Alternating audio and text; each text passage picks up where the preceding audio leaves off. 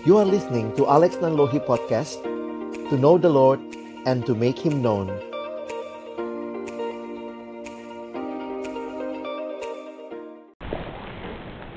Bapa di dalam surga kami bersyukur untuk cinta kasih dan anugerahmu yang sungguh nyata dalam hidup kami yang masih muda ini. Sejak masa muda kami Tuhan boleh menolong kami, boleh mengenal Tuhan.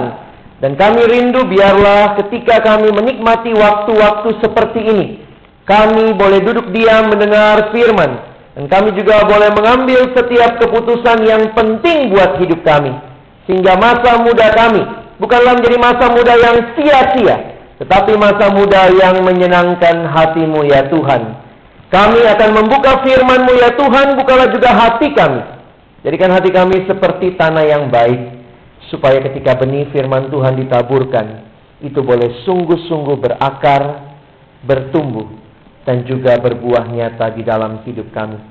Berkatilah baik hambamu yang menyampaikan firman, setiap kami yang mendengarkan, tolonglah kami semua ya Tuhan, agar kami bukan hanya menjadi pendengar-pendengar firman yang setia, tetapi kami boleh dimampukan dengan kuat kuasa pertolongan rohmu yang kudus menjadi pelaku firman di dalam kehidupan kami. Bersabdalah ya Tuhan, kami anak-anakmu sedia untuk mendengarkan. Dalam nama Tuhan kami Yesus Kristus, kami menyerahkan jam pemberitaan firman-Mu. Amin. Silakan duduk.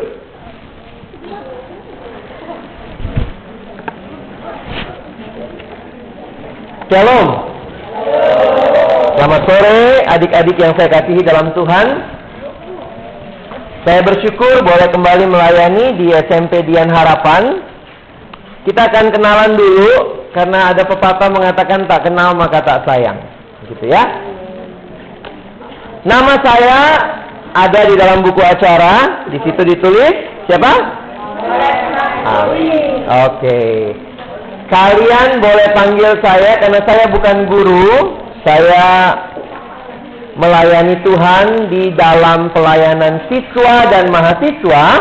Biasanya tergantung, ada yang manggil Koko, ada yang manggil Kak, kalau orang Batak ada yang manggil Bang, orang Ambon ada yang manggil Bung, gitu ya. Boleh panggil terserah ya. Saya sebut diri saya Kak Alex, dan nanti kita mau boleh melihat satu bagian firman Tuhan sama-sama. Pengen sih bisa kenal semua ya. Makanya tolong name dipakai. Jadi jangan ditaruh sembarangan. Tidak ada orang yang terlalu terkenal. Jadi semua harus bisa membaca namamu siapa.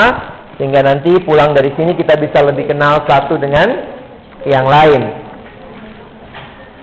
Oke, sudah kenal. Saya pikir nanti kita sama-sama bisa kenalan lebih jauh. Kalau pas makan, mau ngobrol, mau duduk sama-sama, boleh, ya. Baik, Alex mengajak kita sama-sama akan membuka satu bagian firman Tuhan yang tadi sudah Miss Ita ajak kita buka. Mari kita buka kejadian pasalnya yang pertama. Kali ini Alex mau mengajak kita baca dari ayat 26 sampai dengan ayat yang ke-28.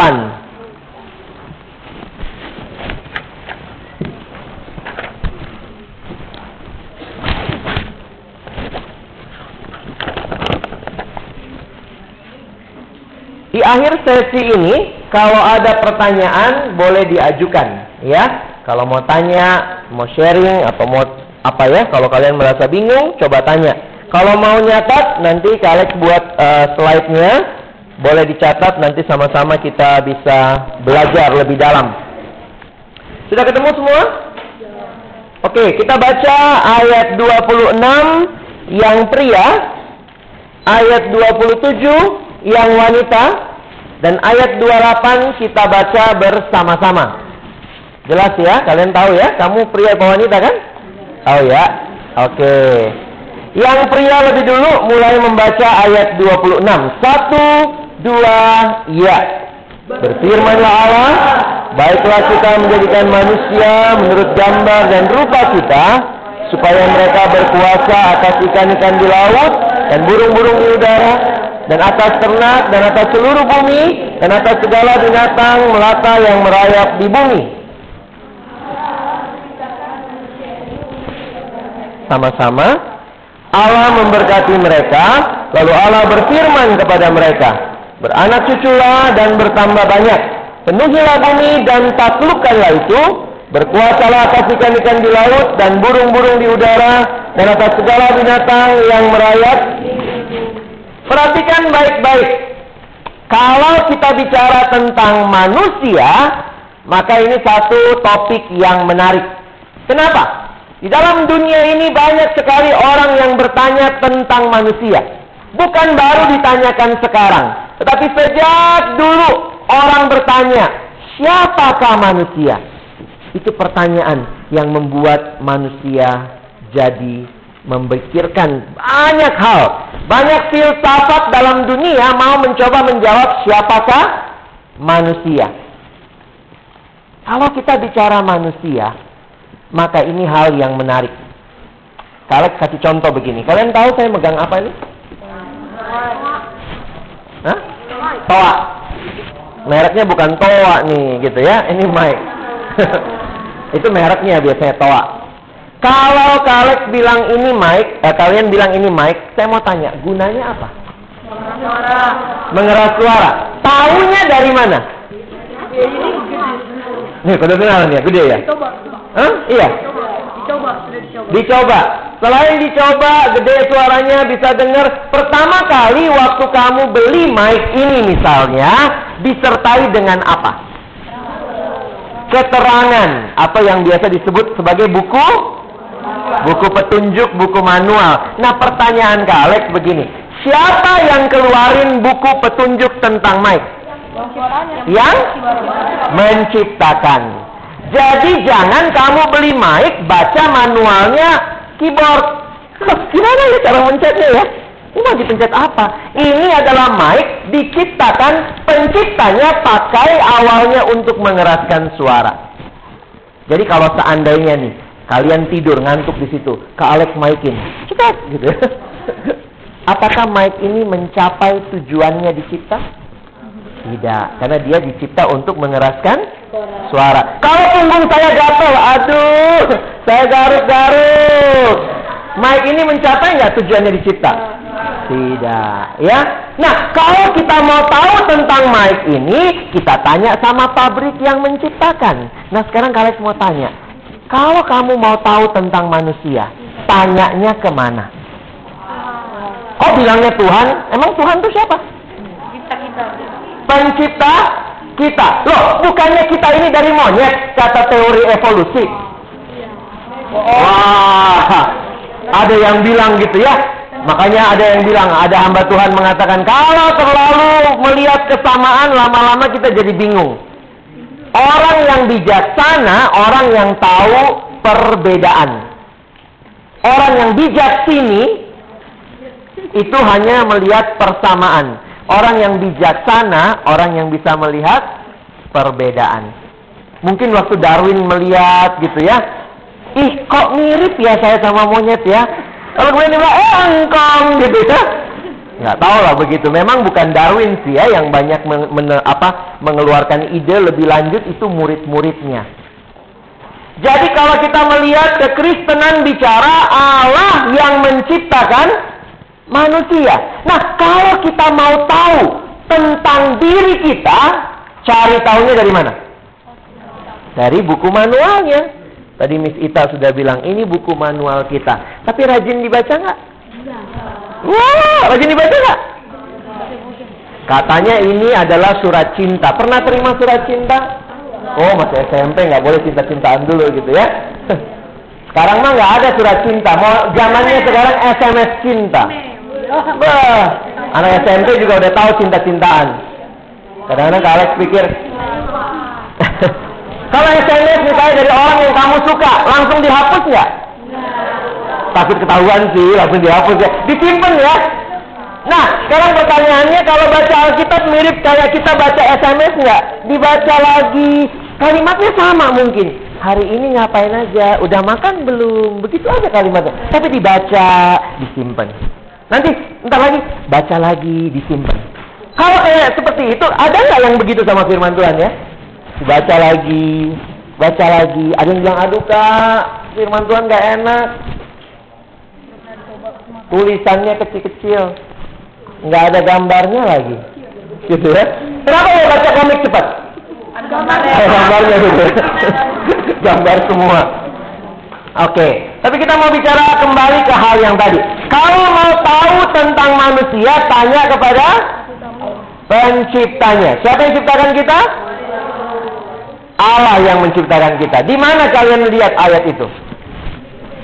Kejadian yang kita baca tadi. Bahwa Allah yang menciptakan manusia. Manusia bukanlah kecelakaan sejarah. Tiba-tiba terjadi ledakan yang besar, lalu kemudian terbentuklah sel-sel, lalu kemudian bangkitlah seorang manusia. Tidak. Kita kembali melihat apa yang menjadi dasar iman kita di dalam kebenaran firman Tuhan. Nah, sekarang pertanyaannya, waktu Allah menciptakan kita, Allah ciptakan kita bagaimana? Masih ingat ceritanya bagaimana dicipta? Dari debu, ya. Lalu kemudian setelah Allah membentuk dari tanah, lihat, lalu Allah menghembuskan nafas ke dalam hidungnya. Begitu. Lalu kemudian manusia itu hidup. Nah, tapi sekarang Kak Alex ingin aja kalian lihat baik-baik. Mari kembali buka kejadian 1 ayat 26. Lihat ayat 26. Apa kalimat yang muncul di situ? Baiklah kita menjadikan manusia menurut gambar dan rupa kita. Coba lihat sebentar. Ini tema kita. We were created as image of God. Apa itu image of God? Sebenarnya kalau kalian lihat dalam terjemahan yang lain, image of God itulah yang kalian baca di Kejadian 1 ayat 26. Gambar dan rupa atau di dalam terjemahan Alkitab yang lama, peta dan teladan. Jadi kita ini diciptakan menurut gambar dan rupa Allah. Apa sih maksudnya? Kita ini manusia adalah image of God. Sekarang Kak Alex kasih contoh aja ya. Mungkin contohnya tidak persis sama, tapi kira-kira ini bisa menolong kita mengerti apa artinya. Saya punya sesuatu di sini. Ini apa? Foto. Foto siapa? Foto saya ya. Sorry, ini fotonya waktu zaman dulu, foto masih kurus. Ini jadi MC nih. Wah, lagi mimpin jadi MC. ini foto saya. Oke, waktu masih kurus. Nggak kelihatan. Nah, yang di depan bisa kelihatan kan? Nah, kalau ditanya, misalnya kalau ditanya, yang mana yang adalah saya? Yang ini atau yang ini?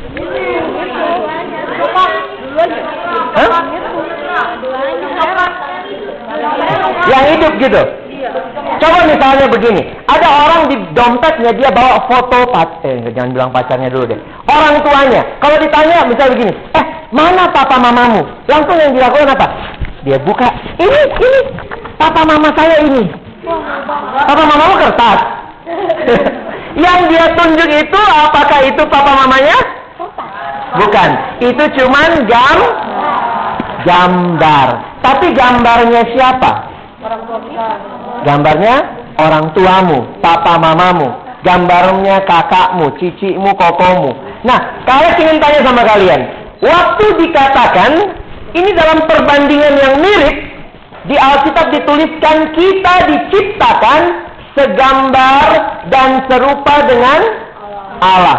Berarti kita itu diciptakan untuk menggambarkan siapa? Kalau foto ini menggambarkan saya, yang asli saya mana? Ini. Ini menggambarkan saya. Kalau dikatakan manusia diciptakan segambar dan serupa dengan Allah, berarti ada Allah, lalu manusia itu menggambarkan menggambarkan Allah. Manusia itu Allah? Loh, kok bukan? Karena cuman gambar. Tapi gambarnya siapa? Gambarnya Allah, pintar. Wah, anak-anak kalau sekolahnya pintar langsung gampang dimengerti ya. Jadi, ini 15 menit kelar nih sessionnya. Jadi artinya, apa artinya manusia itu adalah created in the image of God? Manusia itu menggambarkan Allah. Kalau orang lihat hidupmu, harusnya hidupmu menggambarkan siapa? Allah. Nah sekarang kalian tanya, sudahkah hidupmu menggambarkan Allah? Waktu orang lihat kamu, idi, lu kok kayak anak setan? Nah, itu berarti hidup kita lebih mirip setan. Kalau betul hidup kita menggambarkan Allah, kita diciptakan segambar dan serupa dengan Allah, harusnya hidup kita memancarkan kemuliaan Allah. Nanti kita belajar di sesi yang kedua. Kenapa sih manusia nggak bisa lagi menggambarkan Allah dengan sempurna? Karena do dosa, ya. Pintar semua. Nah, kalau manusia diciptakan untuk menggambarkan Allah, sekarang Kak Alex ingin aja kita melihat sebenarnya apa sih yang mau di, di, dicapai? Apa tujuan manusia dicipta? Coba baca ayatnya Yesaya 43. Kelihatan? Ih, Yesaya 43. Ayat yang ketujuh. Yuk lihat sama-sama Yesaya 43 ayat yang ketujuh. Sama-sama nanti bacanya ya. Yuk baca sama-sama kalau udah ketemu. Tahu Yesaya di mana ya? Kalau kalian buka kitab kejadian jauh di belakangnya, ya.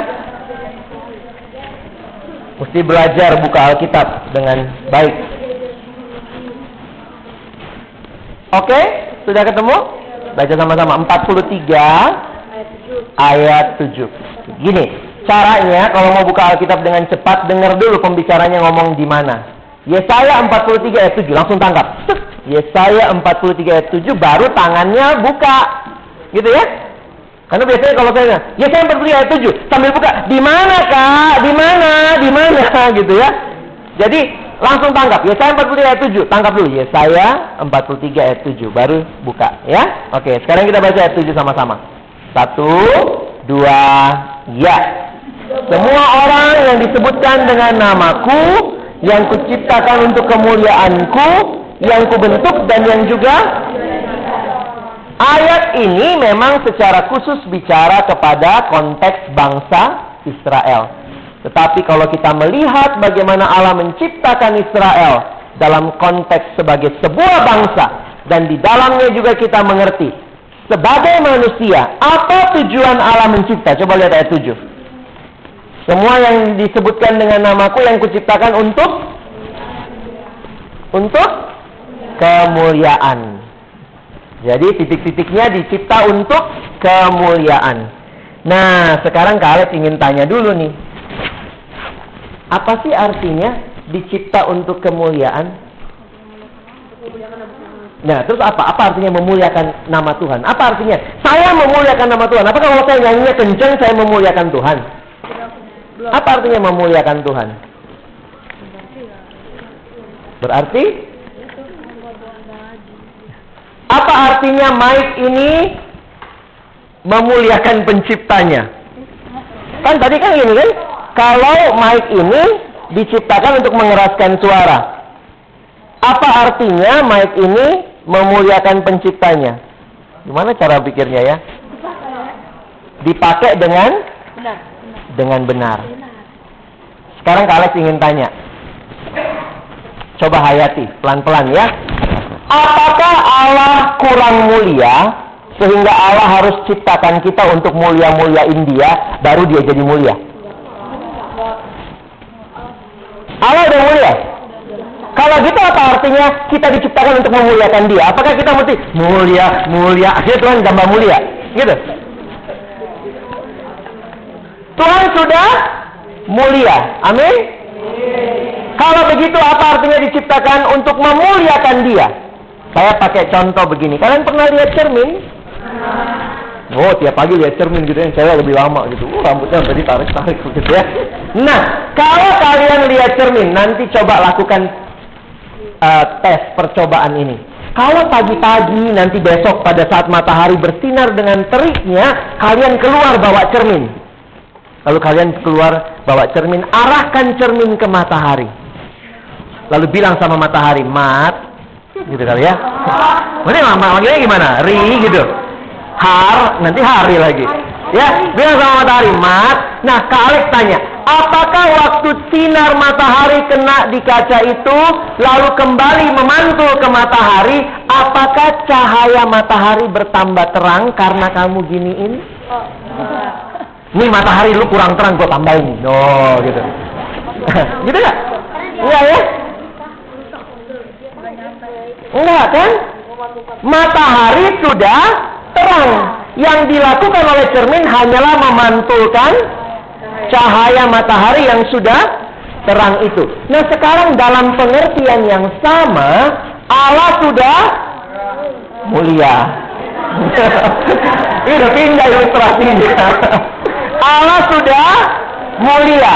Jadi waktu kita diciptakan untuk memuliakan dia berarti kita diciptakan untuk memancarkan kemuliaan Tuhan.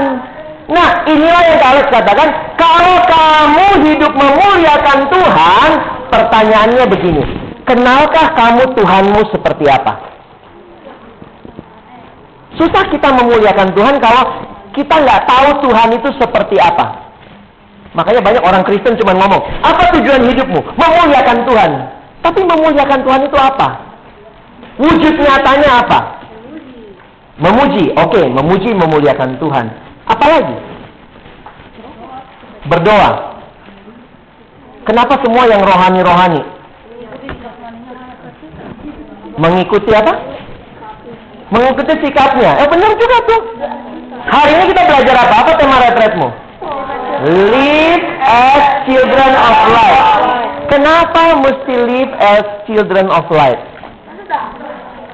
Because God is light.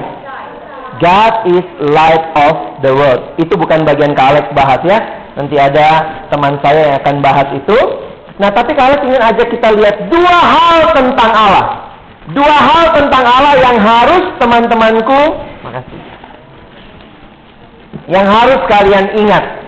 Kalau bicara memuliakan Allah, pertama-tama merefleksikan kemuliaan Allah, kenal dulu Allahnya seperti apa. Salah satu karakter yang Allah nyatakan di Alkitab, kita buka 1 Petrus 1. Ayat 14 sampai 16.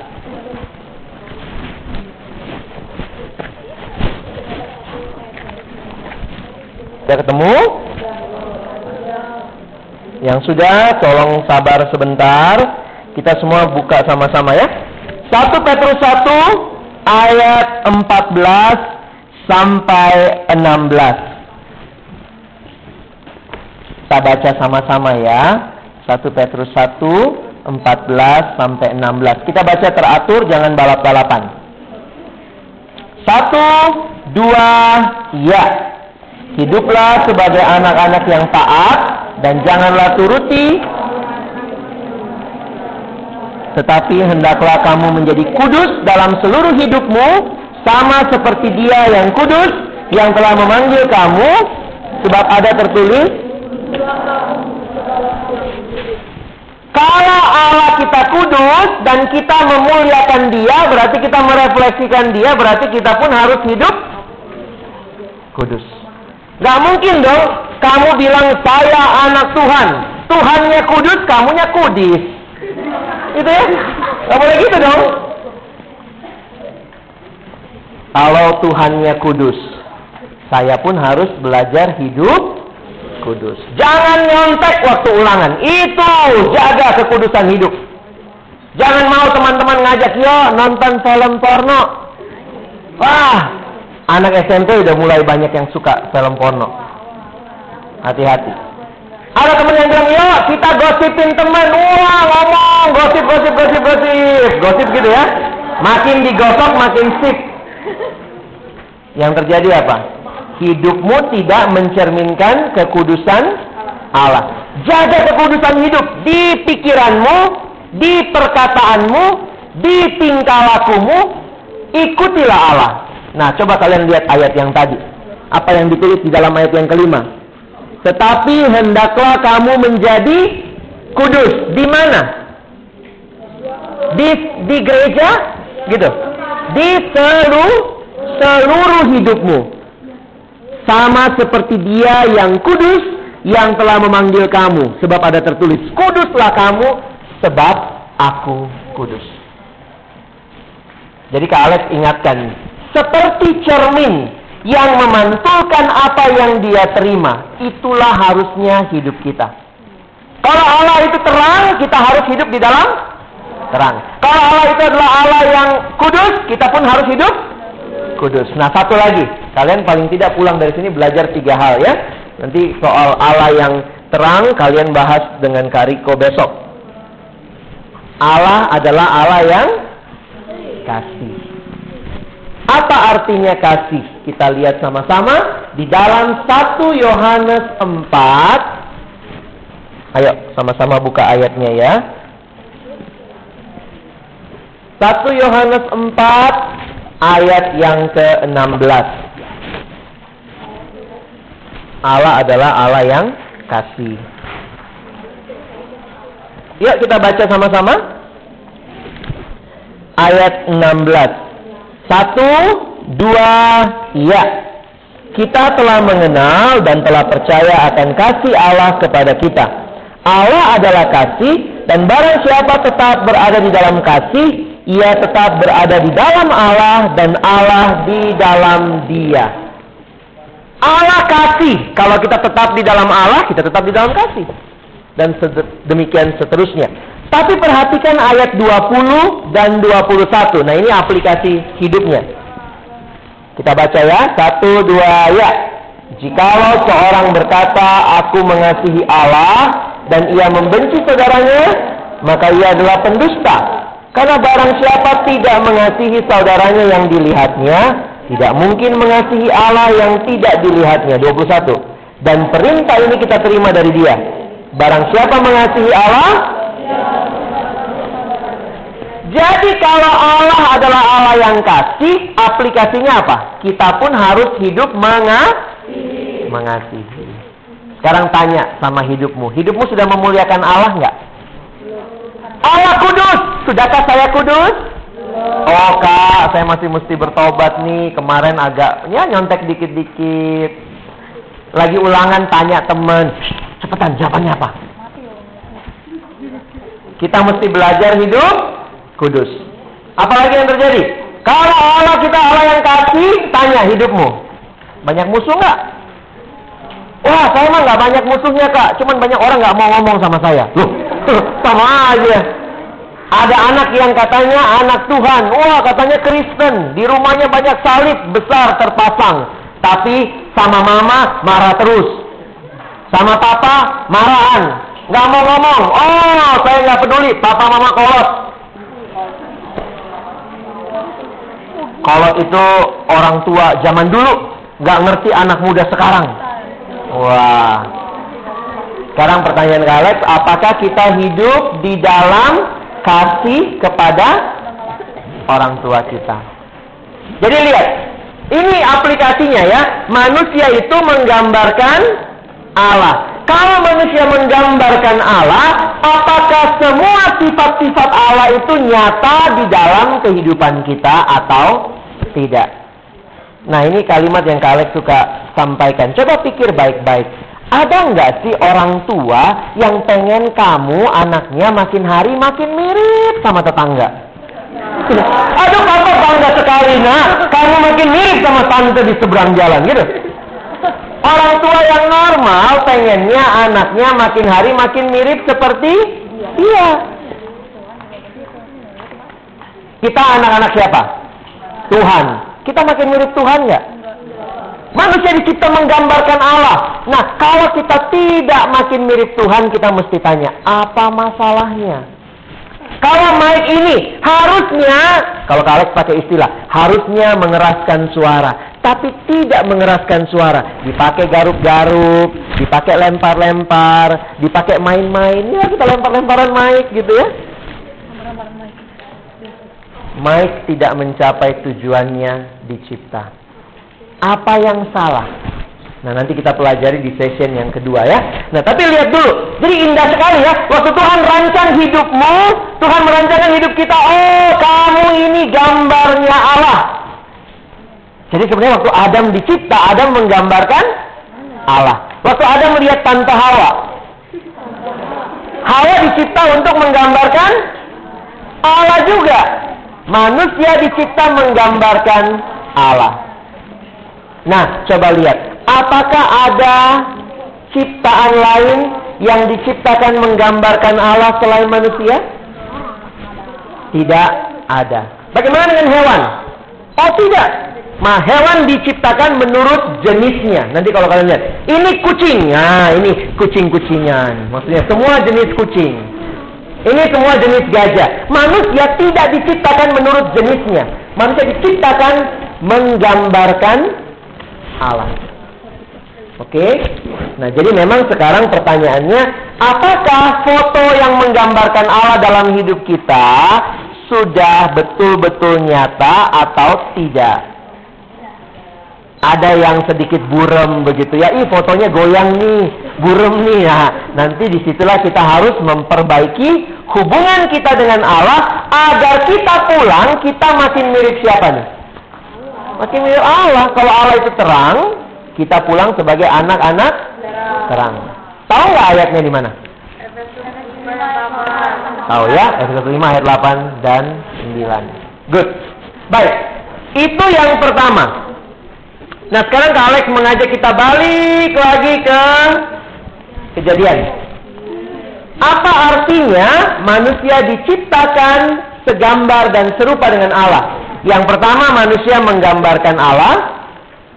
Yang kedua, coba lihat.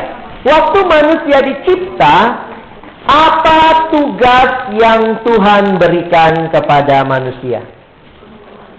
Coba lihat kejadian 1 ayat 26, 27, 28. Apa saja? Apa tugas yang Tuhan berikan? Coba lihat ayat 28, ayat 27. Menguasai bumi. Apa yang dikuasai? Semua isinya. Itu yang ditulis di ayat yang 27. Apa isinya bumi?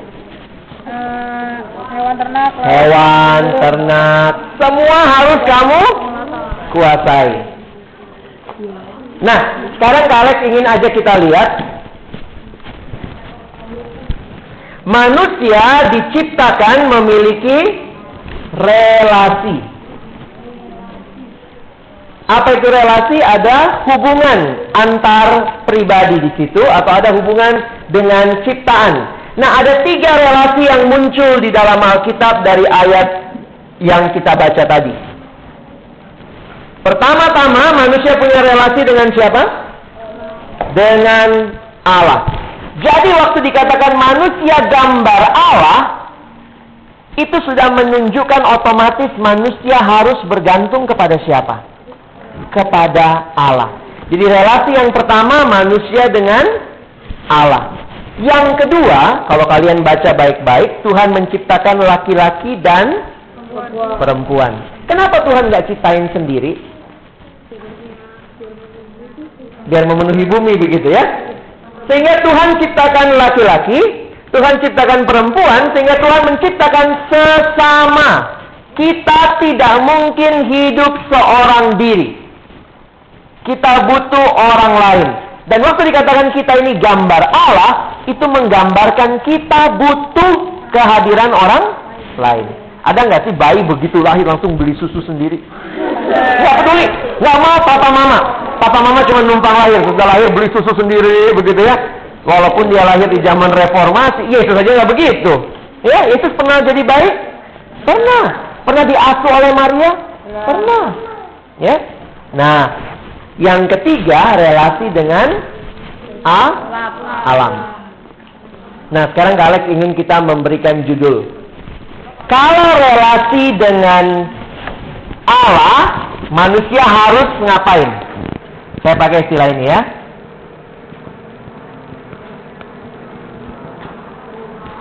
Nah, relasi dengan Allah kita harus menyembah Allah. Bagaimana dengan relasi dengan sesama? Kita harus mengasihi. Kalau relasi dengan alam, menjaga, merawat atau istilah yang dipakai biasanya mengua menguasai. Jadi kalau teman-temanku, adik-adikku perhatikan baik-baik, siapa yang menciptakan alam ini?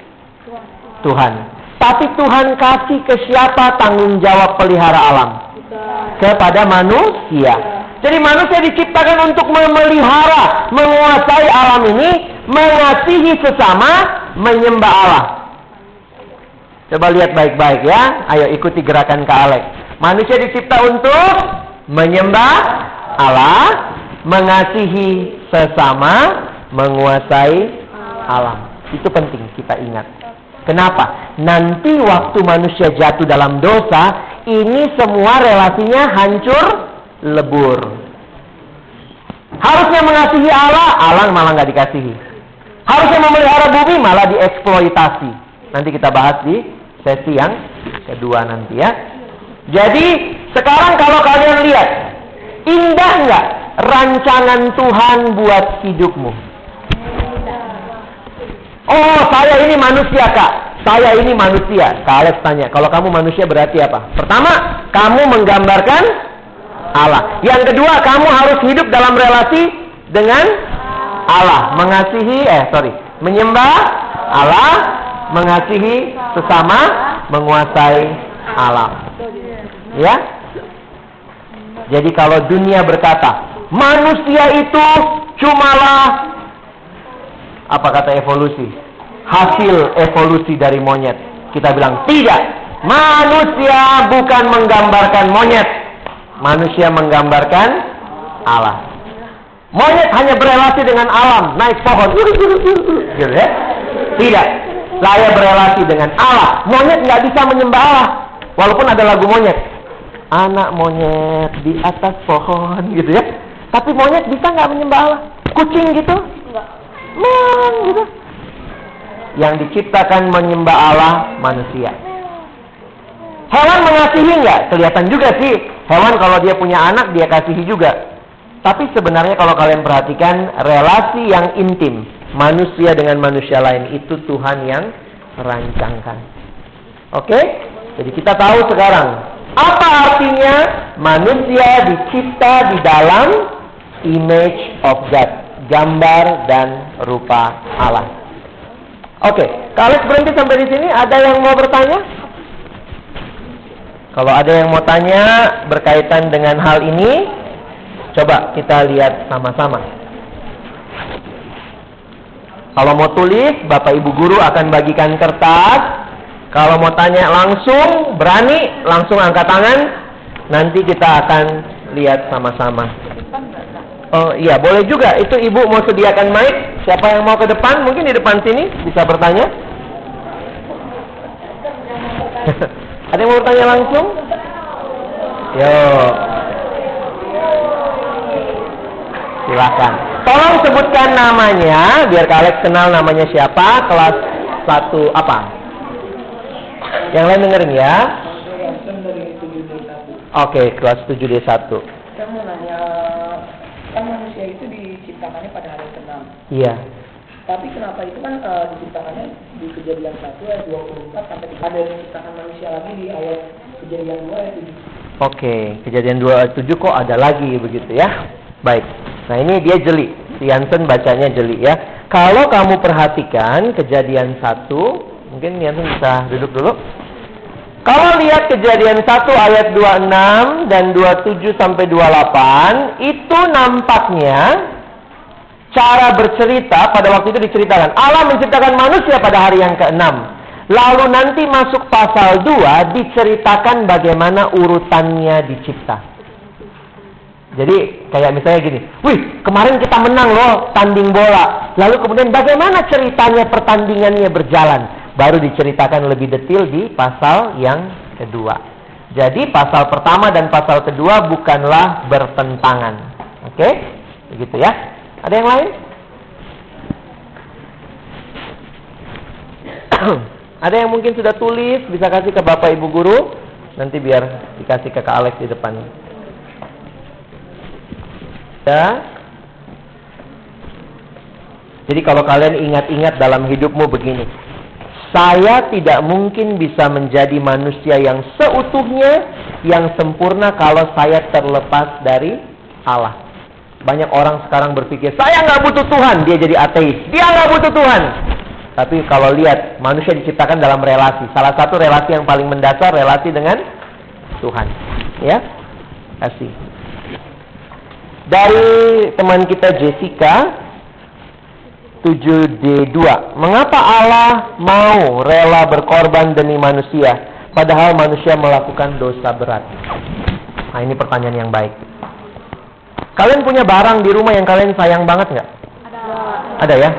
Maksudnya bukan barang, oh papa mama saya itu mah bukan barang gitu ya.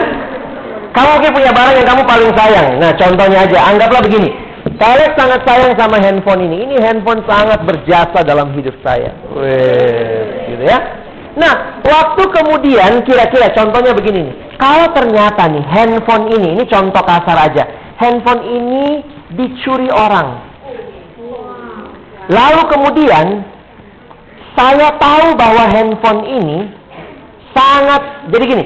Waktu habis dicuri ternyata besokannya saya ketemu di pasar loak saya lagi lewat di pasar loak mau nyari handphone baru. Ih, itu handphone gue. Itu handphoneku. Nah, contohnya begini. Kalau kamu sayang banget sama handphone itu, kira-kira apa yang bisa kamu lakukan? Beli lagi. Itu yang sebenarnya kalau kalian melihat istilah yang sering kali digunakan walaupun tidak persis sama, Nanti kita bahas di sesudahnya. Istilah yang dipakai adalah menebus. Pernah gadein barang nggak? Enggak ya, semua punya uangnya cukup begitu ya. Kalau kalian mengerti penggadaian tahu ya? Orang taruh barangnya, dia dapat duit. Nanti kalau dia sudah punya duit, dia tebus, dia beli lagi barangnya. Ya, biasanya dia dapat jaminan dan segala macam. Nah, kalian bisa menghayati bahwa Allah begitu mengasihi manusia sehingga waktu manusia berdosa pun Tuhan tetap mencari dan menyelamatkan kita. Tuhan sangat mengasihi kita. Ya. Nah, itu yang kita coba hayati sama-sama. Coba ya nanti um, nanti di sesi kedua nanti Kak Alex jelasin lebih jauh lagi karena itu bagian di sesi yang kedua. Terima kasih. Nah, yang nanya lagi. Mengapa nama pertama di Alkitab itu Hawa bukan Adam? Padahal Adam manusia pertama. Yaitu cuma masalah pencatatan. Jelas pasti Adam sama Hawa karena itu pun artinya e, artinya Adam itu kan adalah bapak atau um, coba perhatikan sebentar ya. Kalau kalian perhatikan di dalam pasal yang kedua, yang Yansen maksudkan ini apakah nama namanya Hawa? Karena sebelumnya disebut perempuan itu. Begitu. Ayat berapa kamu lihat itu? Pasal 3 kah? Pasal 4 ayat 1. Kemudian manusia itu bersetubuh. Maksudnya kenapa Adam hanya disebut manusia itu begitu ya? Ya sebenarnya kalau lihat dari sistem pencatatannya saya sih tidak melihat ini sebagai hal yang bermasalah karena memang nama Adam sendiri itu menggambarkan dari mana manusia. Adam itu artinya manusia yang diambil dari debu. Jadi uh, tidak terlalu masalah. Ada banyak hal yang model-model begitu di Alkitab. Maksudnya itu tidak jadi masalah secara teologis untuk pembahasan kita. Ya, Hawa tetap manusia. Uh, Adam tetap manusia pertama, namanya Adam. Ya. Ada pertanyaan lain? Ya, silakan. Boleh ke, ke depan ada mic-nya, Ibu? Tolong sebutkan namanya. Makasih Pak. Darius. Genius. Oke. 7A2, oke. Iya. Tapi orang orang yang berdosa masih bisa memuliakan Allah tidak? Oke, orang berdosa masih mungkin nggak memuliakan Allah. Makasih ya pertanyaannya. Kalian kasih contoh aja ya begini. Makasih. Kalau ini adalah manusia waktu pertama kali dicipta oleh Tuhan, lihat baik-baik, ini manusia yang pertama kali dicipta oleh Tuhan. Nah, di dalam Alkitab sendiri atau sorry, di dalam teologi kita melihat ada satu poin begini. Ketika manusia jatuh ke dalam dosa, masih mungkin nggak manusia melakukan hal yang baik? Masih mungkin. Kalau begitu pertanyaannya, tadi kalau bicara memuliakan Allah termasuk di dalamnya bicara tentang kehidupan yang baik, kehidupan yang punya moral yang tinggi, kehidupan yang tidak bikin dosa, bisa saja manusia lakukan itu, tetapi akarnya bukan lagi dari hidup yang sempurna. Contohnya begini saja. Ini ini kertas yang anggaplah utuh manusia ya. Nah, waktu dosa yang terjadi adalah Menghancurkan. Nah, pertanyaannya, kalau kertasnya sudah lecek begini, masih ada warna putihnya nggak? Masih. Tetapi pada dasarnya kertas ini sudah terkoyak, sudah rusak. Jadi ada nggak orang yang tidak kenal Tuhan Yesus bisa melakukan perbuatan baik? Ada. Tapi sebenarnya pada dasarnya dia mati di dalam dosanya. Karena kalimat dalam Alkitab Tuhan Yesus mengatakan, di luar aku kamu tidak dapat berbuat apa-apa. Kelihatannya hidup, tapi sebenarnya sedang mati. Ya. Jadi nanti kalian bisa menghayati bahwa sebenarnya waktu kita dipulihkan oleh Tuhan, kita diberikan hidup yang sama sekali baru. New life, begitu ya? Oke, ini banyak pertanyaan, kita coba lihat dulu ya. Terima kasih. Nah,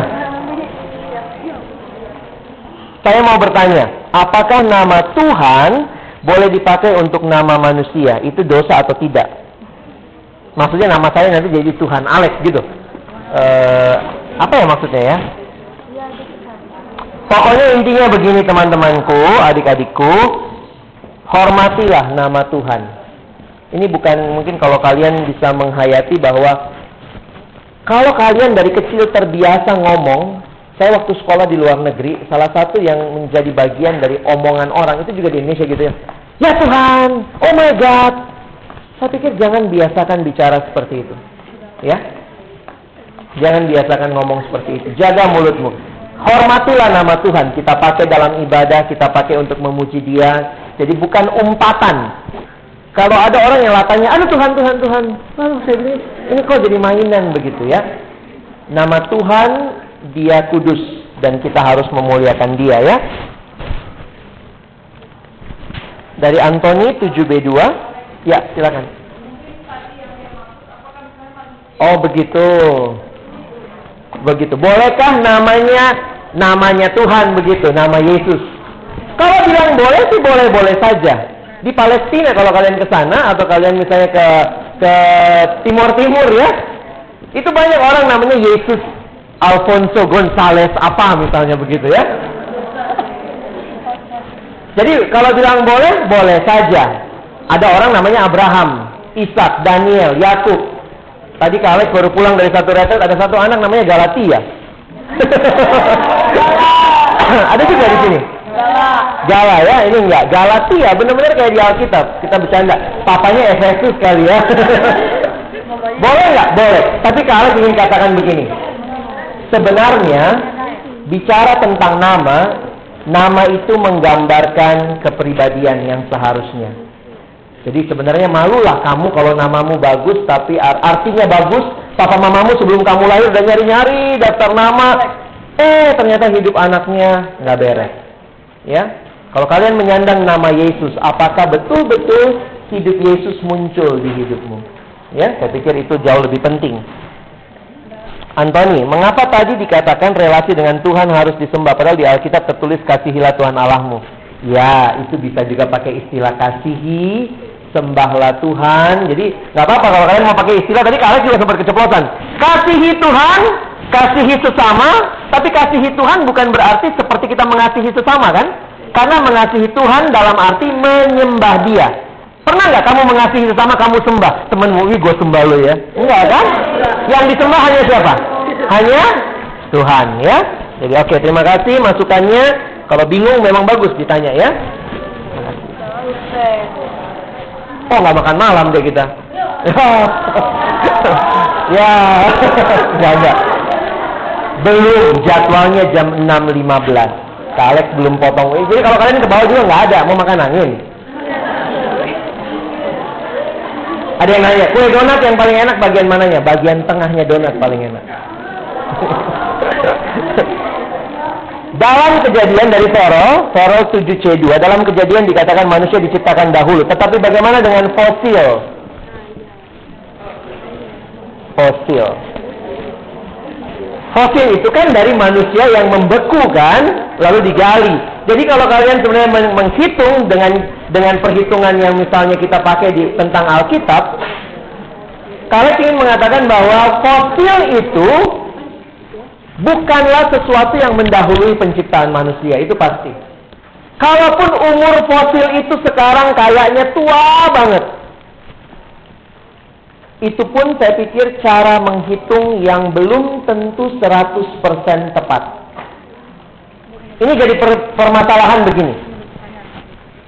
Kalau kalian senang baca hal-hal ini, anak ini pasti senang nih baca dinosaurus-dinosaurusan gitu ya, fosil-fosilan gitu ya. Mungkin, mungkin Farol senang baca itu ya.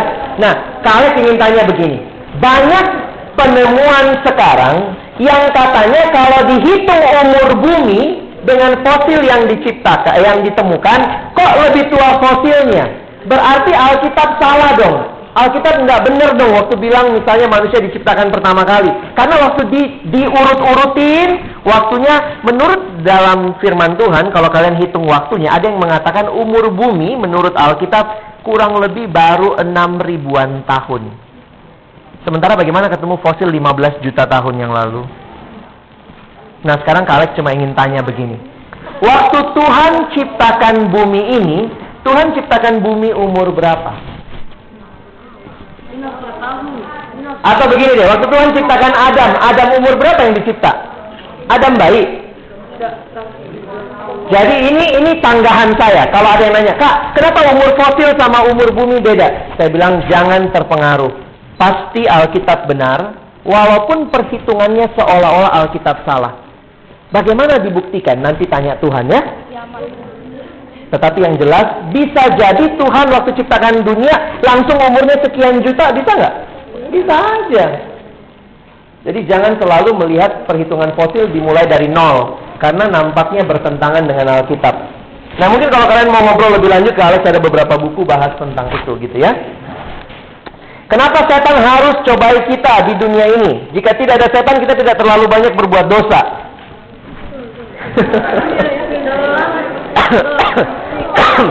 Sekarang kalian tanya, siapa yang salah kalau kalau kamu berdosa? Kamu apa setan? Eh, cari kambing hitam. Siapa yang malas belajar? Kamu apa setan? Kalau begitu, kita bikin retret buat setan dong. Karena yang mesti bertobat siapa? Setan. Yang jahat setan, yang dosa setan. Alkitab mengatakan dosa timbul dari mana? Coba baca Yakobus uh, pasal 1 Ingat setan itu hanya mencobai di luar dirimu Yakobus pasal pertama Ini nih paling gampang kita manusia itu selalu cari kambing hitam ya Yakobus 1 ayat yang ke-13 dan 14 eh sampai 15 ya. 13, 14, 15. Nah, bicara soal pencobaan-pencobaan. Yuk baca sama-sama. Yakobus 1 13 sampai 15. Satu, dua, ya. Apabila seorang dicobai, janganlah ia berkata, pencobaan ini datang dari Allah. Sebab Allah tidak dapat dicobai oleh yang jahat dan ia sendiri tidak mencobai siapa pun. Tetapi tiap-tiap orang dicobai oleh karena ia diseret dan dipikat olehnya. Dan apabila keinginan itu telah dibuahi, ia melahirkan dosa, dan apabila dosa itu sudah matang, melahirkan maut. Memang tidak semua pertanyaanmu terjawab. Kenapa Tuhan izinkan ada setan? Mungkin itu lebih tepat pertanyaannya. Bukannya pertanyaan kenapa gara-gara setan akhirnya saya berdosa. Bukan. Sekarang begini, kalaupun setan beda-beda, eh, ayo makan buah pohon itu Hawa, ayo makan, makan. Terus Hawa bilang nggak mau, gimana? Bagus ya? Jadi jangan jangan salahin setan gitu. Setan memang tujuannya memang dia hidupnya menggoda gitu ya. Tapi pertanyaan Kalek untuk kalian semua, manusia dicobai oleh keinginan kita sendiri. Jadi jangan menyalahkan setan. Mau ada setan, nggak ada setan, kita harus hidup benar. Jangan bilang, aduh Tuhan susah hidup benar. Saya ada setan sih, goda-godain saya. Memang ini pertanyaan cukup teologis, mungkin dalam seiring bertumbuhnya kamu, kamu akan bisa mengerti ya. Jadi mungkin Bapak Ibu Guru juga bisa menambahkan begitu ya. Kenapa setan harus mencobai kita? Ini kata harus juga nggak tepat. Ya, setan hanya diizinkan untuk mencobai kita. Tapi kita lah yang jadi, eh, bukan korban aja, kita yang harus menentukan sikap. Waktu Hawa dicobai iblis, apakah iblis itu sampai nyuapin? Bukan mulut Hawa, nih makan nih, ah, ah gitu. Digituin nggak? Iblis cuma bilang makan, kamu akan jadi sama seperti Allah. Siapa yang ambil buah itu? Iblis. Siapa yang makan? Hawa. Jadi jangan salahin setan. Ya, kenapa? Karena kalau tidak, nanti sesi kedua kita susah. Teman-teman, mari kita bertobat. Loh, bukan saya kok kak, setan. Oh, suruh setan yang bertobat loh gitu. Kita yang harus bertobat karena kita yang tidak hidup sesuai dengan kehendak Allah, ya. Margareta 7D2. Kalau misalnya kita tidak boleh marah pada orang lain, tetapi bagaimana kalau orang itu bikin kita jengkel terus? Tuhan itu pernah ditanya, Sampai berapa kali kah harus mengampuni? Apa kata Tuhan? 70 kali 7. Dia bikin jengkel kamu udah berapa kali? Sekali. Diampuni nggak? Enggak. Wih, kita lebih hebat gitu ya. Tuhan aja masih ngampunin, kita lebih hebat dari Tuhan. Uh, ada orang suka ngomong gini, Kak, saya ini anaknya baik loh. Tapi kalau orang udah bikin jahat sama saya satu kali, uh, jangan harap. Kadang-kadang Kak Alex bingung gitu ya, ini orang kok sombong amat jadi orang begitu ya. Kalau kita mengasihi Tuhan, kita pun akan belajar mengasihi sesama. Memang ada orang yang tipenya jengkel-jengkelin kita. Tapi pertanyaannya begini. Sebenarnya Tuhan bisa pakai orang itu nggak buat membentuk kita? Bagaimana caranya Tuhan membentuk kesabaranmu? Kamu doa Tuhan, hari ini saya belajar firman, Tuhan bentuklah saya sabar. Tuhan hadirkan kucok-kucok. Si kurang cocok, si kurang cocok. Jadi waktu kita ketemu kucok-kucok gitu ya, ngejengkelin kita, ngejengkelin kita, sebenarnya di sisi lain Tuhan sedang bentuk apamu? Mental. Mentalmu. Ya?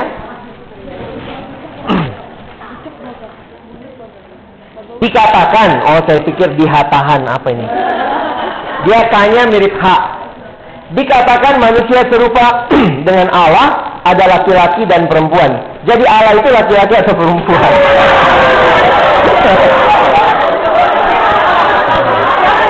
ya. Makanya tadi Kalek sebenarnya nggak masuk ke situ. Itu masalah itu bagian pelajaran sebenarnya di sekolah nanti kalau kalian pelajari. Kalek masuk ke mana tadi? Apa artinya diciptakan segambar dan serupa dengan Allah? saya masuk kepada menggambarkan Allahnya dan memiliki relasi.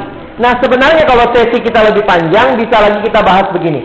Allah itu roh adanya. Sehingga Allah tidak berbentuk fisik seperti kita. Jadi jangan tanya Allah itu keriting apa lurus ya. Allah itu kira-kira matanya belok atau sipit ya. Allah itu giginya teratur apa pakai kawat?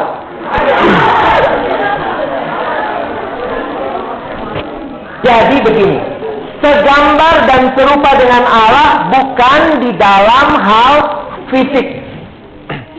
Karena Allah bukan fisik seperti kita. Allah roh adanya. Sehingga dalam hal apakah kita menggambarkan Allah di dalam hal kemuliaannya, sifat-sifatnya, karakter-karakter Allah. Kita mirip dengan dia dalam hal saya laki-laki yang kudus, saya perempuan yang kudus, saya laki-laki yang mengasihi, saya perempuan yang mengasihi. Jadi bukan masalah laki perempuannya, tetapi mengasihinya, kudusnya, itu ya. Itu karakter-karakter Allah. Dalam kejadian 1 ayat 9 eh, ayat 26 27 Allah menciptakan manusia tapi ada juga di dalam perjanjian lama tertulis manusia-manusia raksasa. Ini kejadian pasal 6. Siapakah manusia raksasa itu dan siapa yang menciptakan mereka?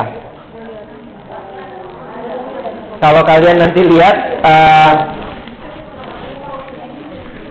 memang ada manusia raksasa itu ditulis raksasanya maksudnya dia cuma karena badannya besar gitu ya. Bukan raksasa lalu kemudian yang, yang orang lainnya kecil banget gitu. Goliat pun dianggap sebagai raksasa karena tingginya 2 meter lebih.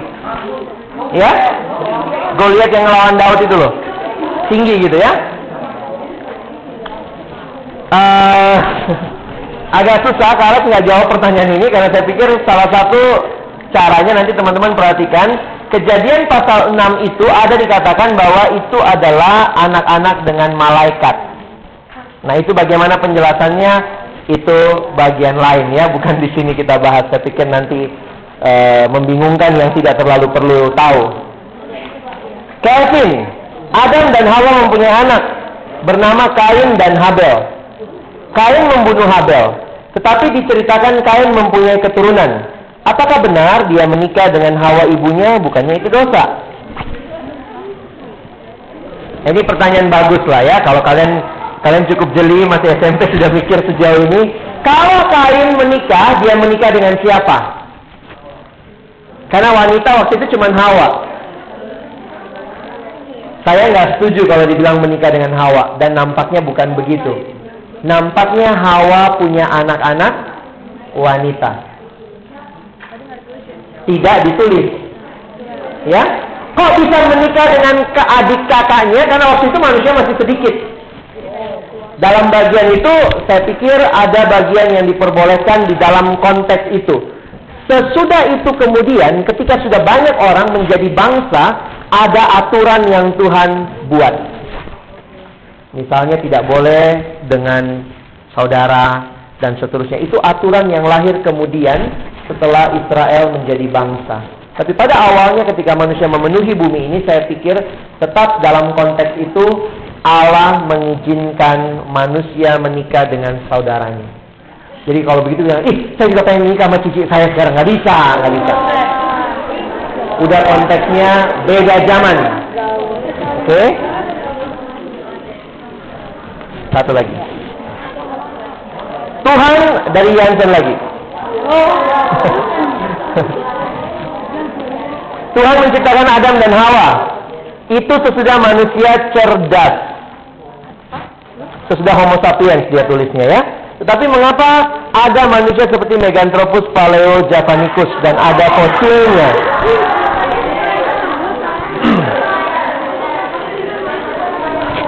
Kalek tidak percaya, terus terang, jujur saya mengatakan, saya tidak percaya bahwa ada manusia sebelum Adam. Karena Alkitab mencatat Adamlah manusia yang pertama. Kalau ada penemuan fosil-fosil seperti itu, saya harus katakan bahwa belum tentu itu sesuatu yang berbentuk manusia.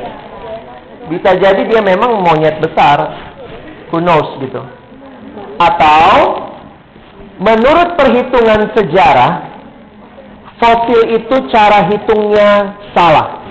Itu ada kemungkinan. Kalau kalian mengerti cara perhitungan dengan karbon C14 itu, kalian akan bisa melihat ada banyak kekeliruan yang terjadi sekarang dengan pola itu. Sehingga banyak fosil yang dihitung ulang umurnya jauh lebih muda. Ya? Nah ini buat beberapa teman yang tertarik seperti itu nanti kita ngobrol pas makan begitu ya. Ada beberapa data sejarah yang mungkin kita perlu sama-sama lihat. Jadi tetap iman kita dari firman Tuhan tetap sama. Belum waktunya makan. Mau ke bawah juga mau dapat tengahnya donat.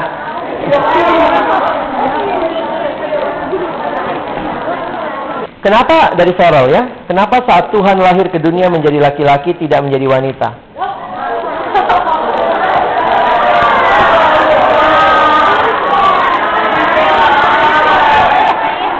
Kalau lihat baik-baik, tetap menariknya begini. Bukan masalah jadi wanita atau prianya yang penting. Apakah waktu dia hidup dia mencerminkan Allah?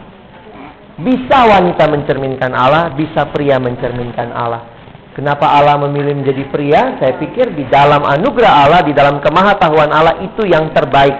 Bukan berarti dengan begitu wanita lebih rendah daripada pria.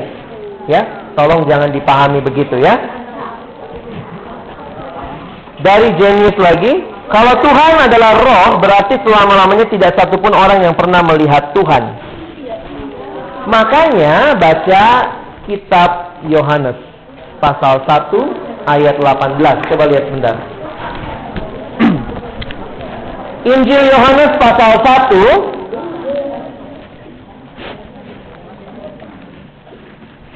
Coba lihat ayat 18.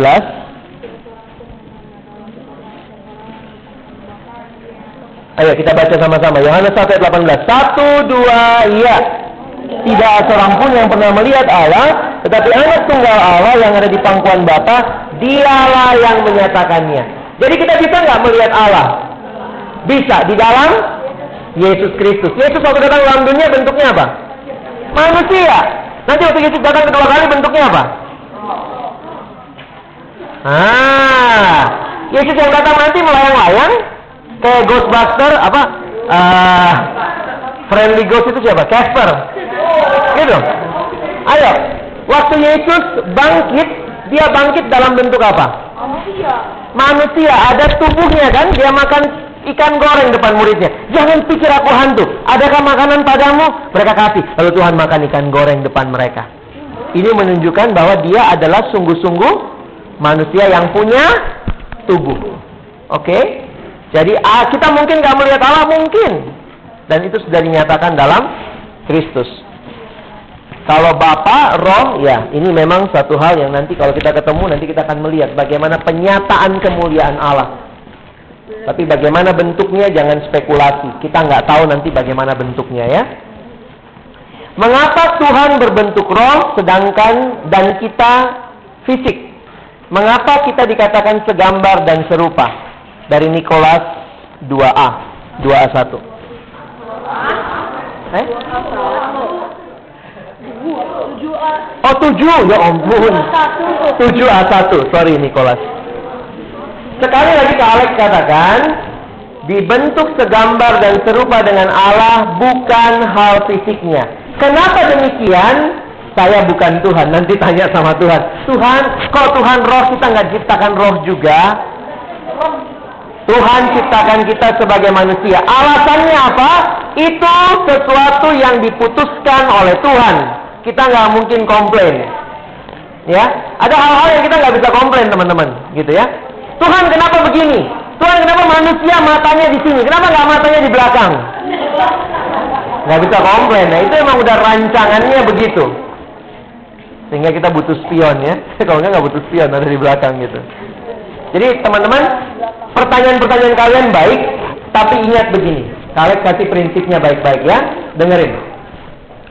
Alkitab memberitahukan segala sesuatu yang kita perlu untuk tahu. Bukan segala sesuatu yang kita mau tahu. Kadang-kadang kita iseng gitu ya mau tahu. Ini apa sih? Ini kok begini sih? Kenapa beda? Kenapa begini? Memang ada bagian-bagian yang waktu kita teliti, kita gali. Kelihatannya kontradiksi. Tetapi kalau kalian belajar lebih mendalam, tidak begitu. Ada bagian-bagian yang sebenarnya kalau kita gali lebih mendalam, Justru bukti-bukti Alkitab lebih kuat dibanding apa yang kita temukan di dalam dunia saat ini. Ya? Oke, siapa namamu? Girsan.